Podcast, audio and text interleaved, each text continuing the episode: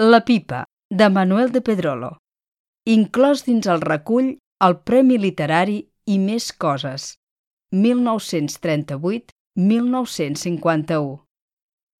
Veus Miquel Llobera, Maribel Gutiérrez, Bruna Pastor i David Pastor. D'en veu alta.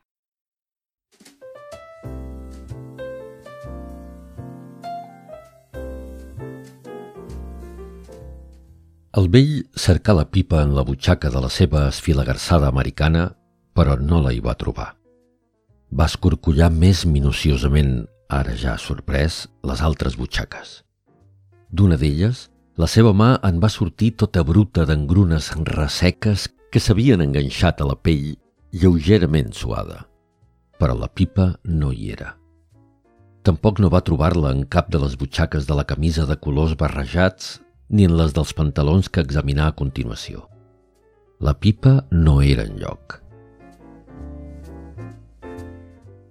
Tenia 68 anys i en feia 18 que fumava amb la mateixa pipa, la qual, doncs, s'havia fet un tip de viatjar entre les mans i els llavis, entre estades més o menys breus en la profunditat de la butxaca dreta del gec, que exhalava una forta sentor de nicotina rància.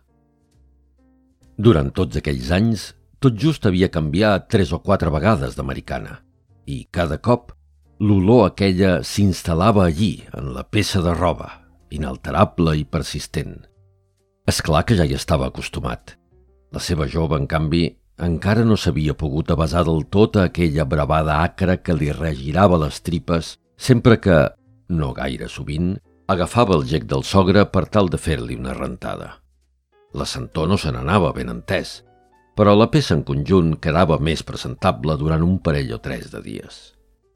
A ell, naturalment, el preocupava ben poc això. Estava per damunt d'aquestes coses. Tenia un tarannà més aviat filosòfic i quan, més endavant, per culpa de la salut, va haver de deixar la feina de paleta per fer-se en terra morts, aquella disposició innata se li accentuà encara per imperatius de l'ofici. L'episodi de la pipa, però, va amoïnar-lo força. Era una vella amiga que no seria fàcil de substituir. Sí, podia comprar-ne una de nova, però li caldria temps per acostumar-s'hi i posar-la a punt. De primer, les pipes tenien un cert gust o regust de fusta una mena de sabor desagradable que només els dies i els anys anaven matant. No hi havia res com una pipa vella, renegrida i cremada. I ara l'havia perduda, era evident. Prou va tornar enrere refent el camí que havia fet mitja hora abans fins al peu del nínxol, on començar a pensar en quines circumstàncies se n'havia allunyat i a reconstruir fins on li era possible tots els gestos a què s'havia lliurat però no aconseguia de recordar-ho bé. Va sortir novament del cementiri, capcot i melangiós, car només podia haver-la perdut allí. Al capdavall s'hi passava la vida.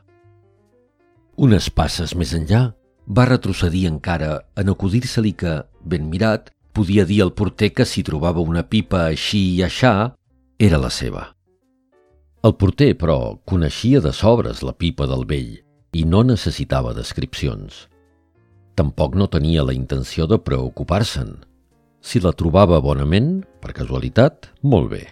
Si no, no hi pensaria més. Després el vell reflexionà en la conveniència d'avisar també els seus companys, però ara ja feia estona que eren lluny. Els ho diria l'endemà. Entre uns i altres, molt seria que no la trobessin. És clar que no comprendrien el seu desfici. Cap d'ells no fumaven pipa i ignoraven, doncs, el lloc que un objecte d'aquesta mena pot arribar a ocupar en la vida d'un home al cap de 18 anys de servir-se'n ininterrompudament. Fos com fos, els avisaria, i si la trobaven ja la hi donarien, estava segur. No hi faltarien bromes, prou que ho suposava, però no hi feia res. A casa el seu fill encara no havia arribat, però la nora, que hi era, de seguida endevinar que li passava alguna de crespa. No advertí que el vell no fumava.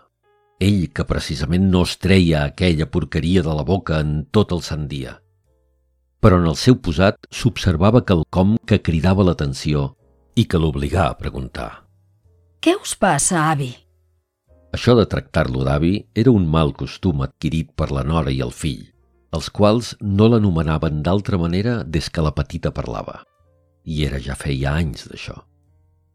No el molestava pas, però, ben a l'inrevés. Fins i tot li agradava. No hauria sabut explicar-ho, però en aquella expressió li semblava veure-hi un no sé què de superior a la de pare i, per si fos poc, hi dessalava una mena de ressonància tendra. No se li acudia que també contenia un deix ben acusat d'indiferència. Va contestar la pregunta de la seva nora amb un grinyol que no comprometia res, però que va tenir la virtut de fer entendre a la noia que el vell no estava per brocs. Més tard va ser el fill que remarcà que l'home estava consirós. En lloc d'interrogar-lo directament, però, va parlar-ne amb la dona. Ella arronsà les espatlles. Coses de vell, m'imagino digué, i la cosa es va quedar així. Fou la neta, en haver sopat, qui observà que l'avi no es treia la pipa de la butxaca. Era estrany perquè, normalment, ja la tenia a la boca quan encara no havia acabat de mastegar el darrer mos amb les seves dents escasses i mal afermades a les genives. En veure que continuava assegut sense fumar, quan ells ja s'aixecaven, va interessar-se trobeu bé, avi?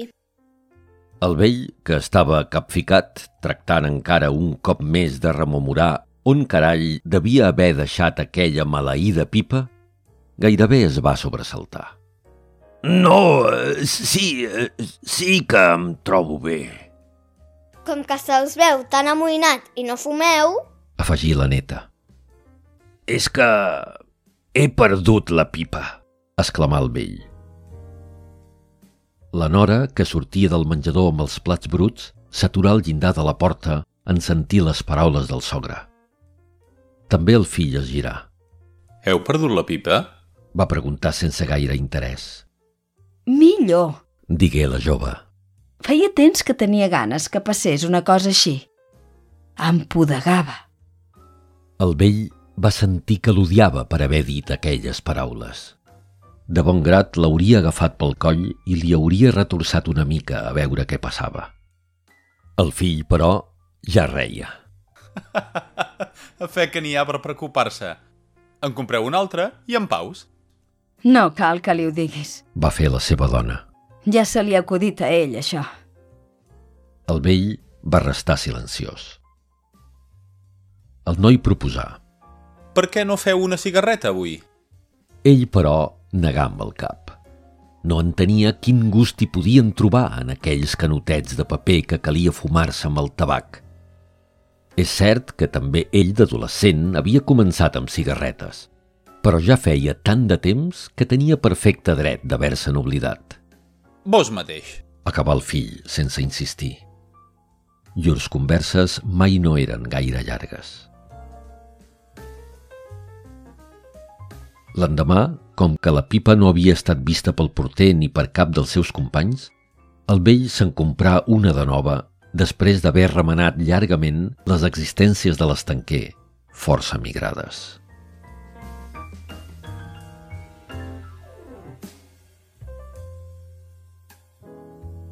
Al cap de tres anys, quan ja s'havia acostumat a la pipa nova que, mentrestant, havia adquirit Solange, el vell encara continuava al seu lloc una mica més corbat, una mica més tremolós, una mica més lent per culpa de l'artritisme, això sí. Els anys començaven a pesar-li. Amb tot, ell encara es tenia per un home fort. Dia darrere dia enterrava els seus semblants, i la mort li era quelcom de molt familiar. No pas perquè hi pensés sovint, ja que de fet no hi pensava mai. No estava acostumat a pensar es limitava a assistir a una realitat que no tenia res a veure amb ell, atès que, de moment, eren els altres que es morien, i ell era allí per donar-los terra. Mentrestant, li havia nascut un net, i això l'enorgullia tant que gairebé feia un assumpte personal dels progressos diaris de la criatura. Mai no hauria cregut que pogués interessar-lo d'aquella manera, un petit. La seva mare continuava rondinant de la furtor del tabac, car la pipa nova aviat feu tanta pudor com havia fet la vella, i la butxaca on la guardava ordinàriament no deixà de fer-ne ni un sol moment. Ell, però, deixava dir. Amb la seva filosofia d'home de prop de 70 anys i per postres en terramorts, no es posava pedres al fetge. La vida prosseguia. Un vespre, la seva nora el va veure arribar més content que de costum. No era pas que ell exterioritzés aquella satisfacció en paraules ni en actes. Era quelcom de més subtil, com una brillantor que li aclaria els ulls. O potser tot es limitava a un cert plec de la boca que semblava a punt d'obrir-se en un somrís. Fos com fos, la Nora ho observà, però no va dir res. Ni més tard, quan el vell, que havia agafat l'infant i li feia moixaines, es posà a cantossejar amb veu baixa. Una cosa tan insòlita que la dona va sortir dues vegades de la cuina només per comprovar si era verament ell qui salmodiava amb tanta satisfacció. Al cap d'una estona, quan arribà el marit, li feu remarcar l'estranya disposició del seu pare. Començava a estar enquimarada. Li deu haver tocat la rifa. Va riure el noi. Sabia que a un vell li cal ben poc per alegrar-se com si fos l'home més feliç de la terra o entristir-se fins a l'arrel de l'ànima.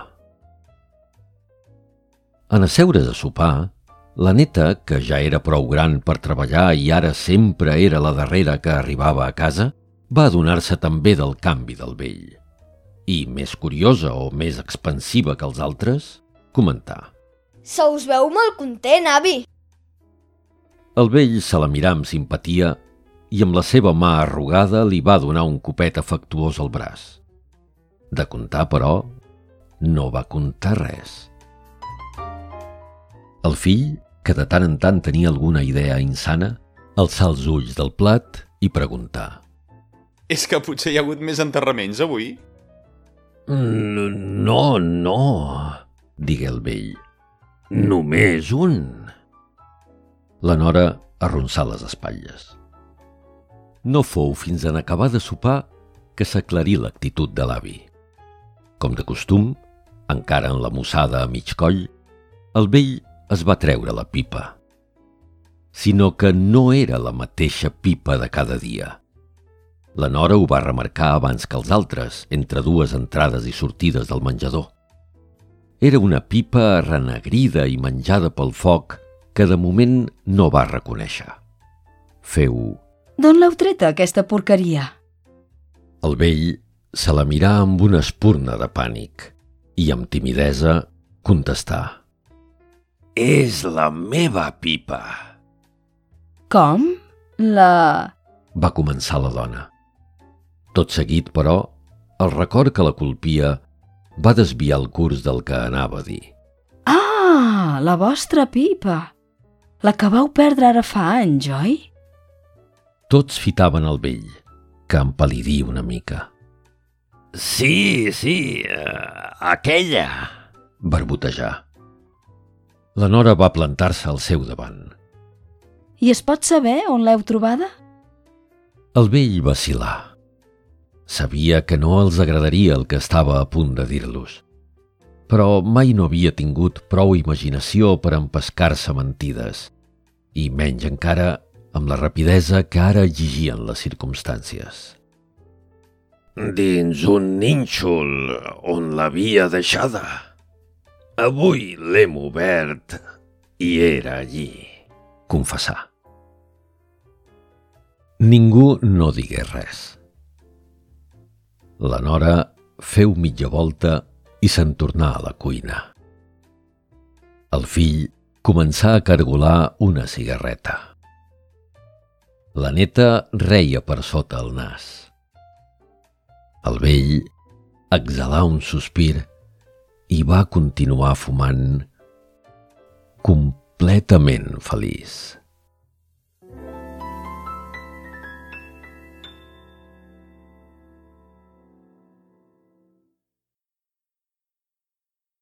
La pipa, 1938, és el primer conte que es conserva de Pedrolo i es basa en una experiència real viscuda en un cementiri pels vols del 1935 o 1936. Està inclòs dins el recull el Premi Literari i més coses, 1938-1951, que conté 12 narracions, i fou publicat el 1953 per l'editorial Selecta, amb la prohibició de quatre contes. Al 1974 es reedità amb dos contes més el volum 1 de Contes i narracions de les obres completes.